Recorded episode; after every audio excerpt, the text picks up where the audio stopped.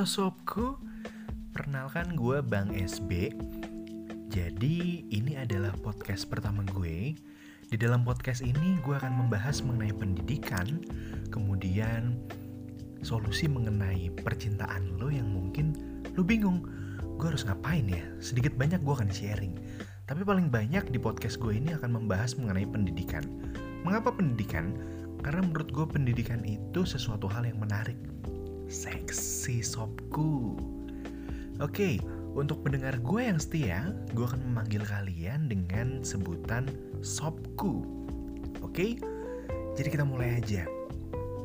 Gue tinggal di suatu kota, gak jauh dari Jakarta, tepatnya Tangerang. Tapi sekarang, setelah gue selesai wisuda, iya sobku, belum lama ini gue selesai wisuda gue baru lulus kuliah dan nanti gue akan kerja. Tapi karena pandemi ini gue bingung. Gue ngestak gue terperangkap di Jogja nggak bisa balik ke Tangerang karena situasi yang belum membaik. Jadi terpaksa gue di sini dulu. Menurut kalian pendidikan itu apa sih?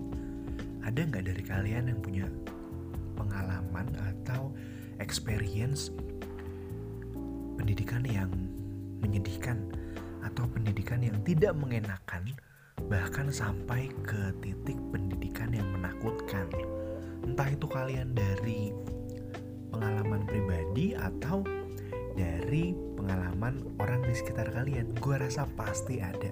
Gak mungkin gak ada yang namanya pengalaman bersama pendidikan. Setiap orang punya pengalaman bersama pendidikan.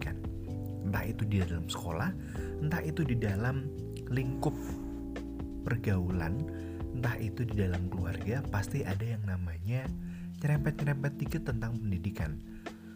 Jadi, di sini gue mau sharing tentang pengalaman pendidikan gue yang kurang mengenakan. Kenapa gue bilang kurang mengenakan? Karena pada saat itu gue merasa bahwa pendidikan itu menyengsarakan gue gitu loh pendidikan gak bisa bikin gue bahagia pada saat itu. Tapi saat ini gue sadar dan gue terbuka bahwa pendidikanlah yang bisa menjadi teman paling gokil menurut gue sampai saat ini. Karena pendidikan gue bisa ada di tahap ini. Gue bisa selesai kuliah, gue bisa dapat kerjaan, semua karena pendidikan. Oke, okay, let's we're sharing, sobat gue ini masuk dalam kategori anak dibilang Peter enggak tapi dibilang bego-bego banget juga enggak. Sejak gue SD pertama kali gue masuk kuliah sekolah jadi gue ngerasa di sekolah itu ngapain ya? Bingung gue di sekolah. Tiap hari gue diomelin. Selalu aja apa yang gue lakukan menjadi masalah bagi orang di sekitar gue. Padahal gue ngerasa ah, biasa aja nggak apa-apa gitu loh tapi orang di sekitar gue tuh menilainya gue salah gue salah. Sampai suatu ketika gue bingung apa yang harus gue lakukan. Apa yang harus uh, bisa gue buktikan pada orang di sekitar gue bahwa gue ini nggak nakal. Gue ini sama kayak anak-anak lain. Dan pada saat itu beberapa guru yang mengajar gue sampai kewalahan Sampai-sampai bingung. Ini anak harus diapain ya? Gimana cara bilangin ini anak? Tapi itu gak berpengaruh apa pun dalam diri gue. Sampai akhirnya gue sadar sendiri bahwa ada sesuatu kekeliruan yang gue lakukan yang menurut gue biasa aja, tetapi menurut orang lain itu sesuatu yang gak biasa-biasa aja. Akhirnya gue mulai merubah itu kenaikan kelas dari kelas bawah sampai gue kelas atas sampai mau lulus di tingkat SD banyak masalah yang gue buat. Di sini gue merasa disudutkan. Di sini gue merasa nggak ada orang yang bantu gue sama sekali. Adanya cuma komplain adanya cuma judging gue tapi nggak memberikan suatu solusi. Sampai suatu ketika gue menemukan solusi itu sendiri by myself. Gila gak sobku? Anak usia sekolah dasar um, especially waktu itu gue saat sekolah dasar sudah mendapatkan pressure-pressure seperti itu sobku miris kan dunia pendidikan yang gue rasakan itu nggak seindah yang gue ketahui saat ini kemudian gue mulai beranjak dewasa bertumbuh berkembang dan memiliki pola pikir yang oke okay, udah masuk akal lah sekarang sudah lebih baik daripada sebelumnya tapi kejadian ini masih ada ketika gue masuk SMP. Gue masih dicap nakal. Gue masih dicap hmm, siswa yang suka cari perhatian. Suka bikin gaduh kelas. Padahal yang gue rasakan, gue gak melakukan apa-apa. Tapi teman-teman gue happy gitu loh. Dan gue gak merasa mencari perhatian juga sama teman-teman gue. Tapi emang mereka happy dan mereka tertawa tapi pada saat itu mereka tertawa, gue yang disalahkan. Gue yang dianggap sebagai dalang keributan dalam kelas tersebut. Sampai suatu ketika ada salah satu guru gue yang bilang, kamu tuh kalau bandel pinter nggak apa-apa. Ini udah bandel prestasinya biasa aja. Prestasi yang disebut di sini prestasi akademik. Tapi gue punya prestasi di bidang non akademik dan itu mereka nggak pernah mengingat-ingat prestasi gue di luar bidang non akademik oke okay, sampai saat itu gue berpikir bahwa siswa atau anak yang akan dihargai itu anak yang pintar saja dalam akademik anak yang memiliki prestasi di luar akademik tidak dianggap menurut gue pada saat itu sampai suatu ketika itu menjadi motivasi gue oke okay. uh, I can do whatever I can do everything kalau gue punya prestasi dalam bidang akademik. Dari situ gue mulai push myself, gue mau belajar, belajar, belajar. Dan motivasinya pada saat itu lucu sih. Gue mau belajar, gue mau jadi pinter, gue mau jadi anak yang dilihat orang atau guru gue pinter.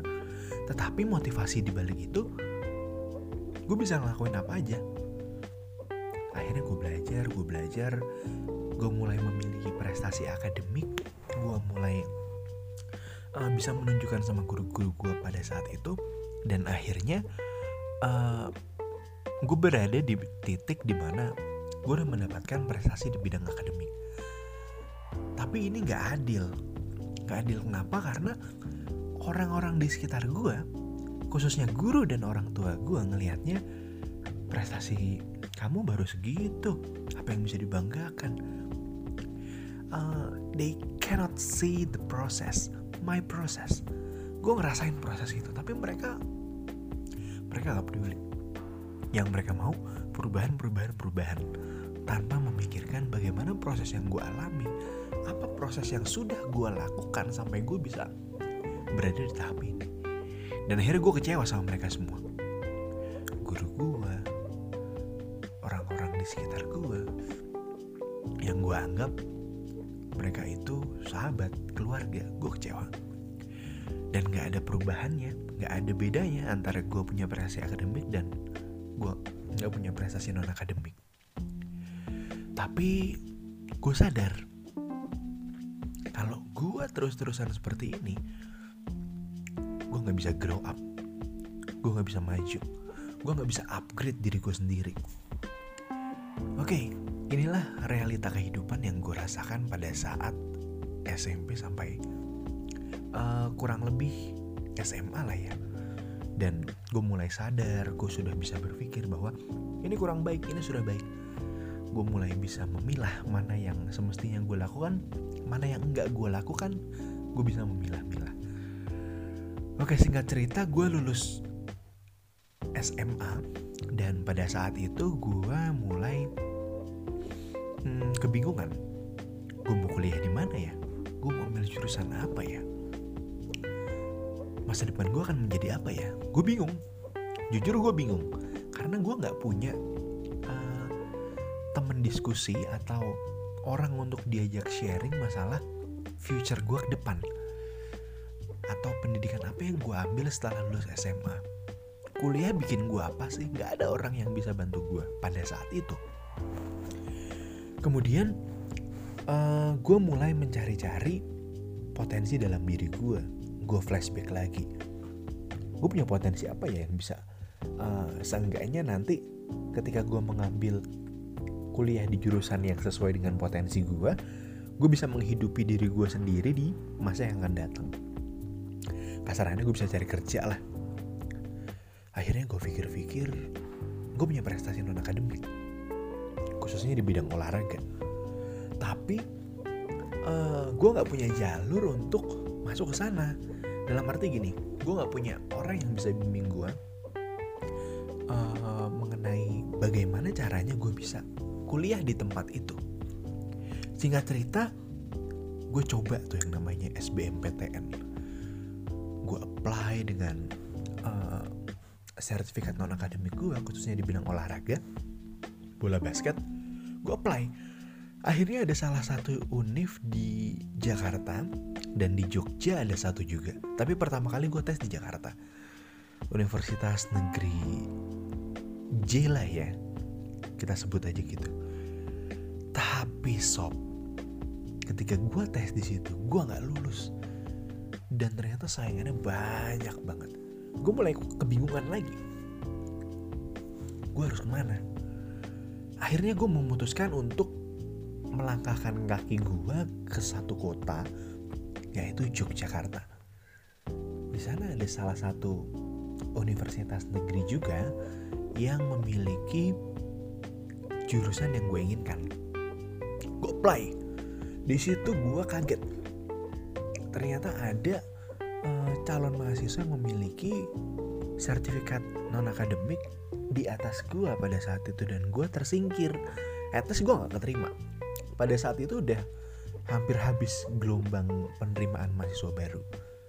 Dan kemudian gue masuk di uh, salah satu perguruan tinggi swasta. Dan itu nggak ada jurusan yang gue inginkan. Sampai suatu saat gue ngestak gue bingung gue mau ngapain lagi nih? Apa yang akan gue lakukan? Gue mau kuliah kah? Gue mau kerja kah akhirnya di keputusan akhir. Gue mantapin diri gue untuk kuliah di universitas swasta tersebut dan mengambil jurusan pendidikan guru sekolah dasar. Ya pendidikan guru sekolah dasar seperti namanya. Gue akan jadi guru SD sob. Gue yang uh, memiliki perawakan tinggi besar nantinya akan ketemu sama anak-anak SD yang mungkin kebanyakan dari mereka takut ngelihat gue tapi itu yang nanti akan gue uh, dalami. Oke okay, gue gak berharap banyak. Gue ikut tes. Itu di gelombang terakhir. Gue disudutkan sama beberapa pilihan. Tapi gue cuma isi uh, program studi tersebut yang gue inginkan. Dan dan uh, uh, beruntungnya gue gue keterima sob. Dan gue mulai berkuliah. Ya fix gue jadi mahasiswa. Dan gue nggak gabut lagi. Harusnya gue nggak bingung lagi karena gue udah mulai kuliah. Tapi semester awal gue kuliah gue merasakan sesuatu. Gue yakin mau jadi guru SD pertanyaan itu sob sering terlintas di kepala gue bingung. Ya udahlah ngalir aja dulu ngalir. Lambat laun gue mulai bisa berdamai. Gue kait-kaitkan. Oh, kenapa gue harus jadi guru SD gue cari alasannya. Kenapa sih? Dan uh, secara nggak sadar sob. Jadi dulu saat gue SMA gue pernah menjadi pelatih bola basket di salah satu klub di daerah Tangerang. Dan anak-anak yang gue latih itu anak usia 8 sampai 12 tahun. At least itu adalah usia anak sekolah dasar sob. Gak sadar gue sampai akhirnya Tuhan kasih uh, ingatan gue kembali. Oh iya pada saat itu gue menyukai loh gue enjoy dengan dunia melatih saat itu. Notabene sama-sama anak usia sekolah dasar. Dan gue happy. Oke gue coba di sini. Dan gue mencari korelasi antara melatih dan menjadi guru. Sama. Gue akan membagikan ilmu yang gue miliki nantinya. Dan sekarang gue udah bisa berdamai sama diri gue sendiri jadi gitu sob cerita gue gimana sobku apakah dari kalian ada yang punya cerita kalau dari kalian ada yang punya cerita mengenai pendidikan boleh komen di bawah ini atau boleh hubungi Instagram gue di Stefanus Bayu. Oke, sampai nanti sob. Salam sobku.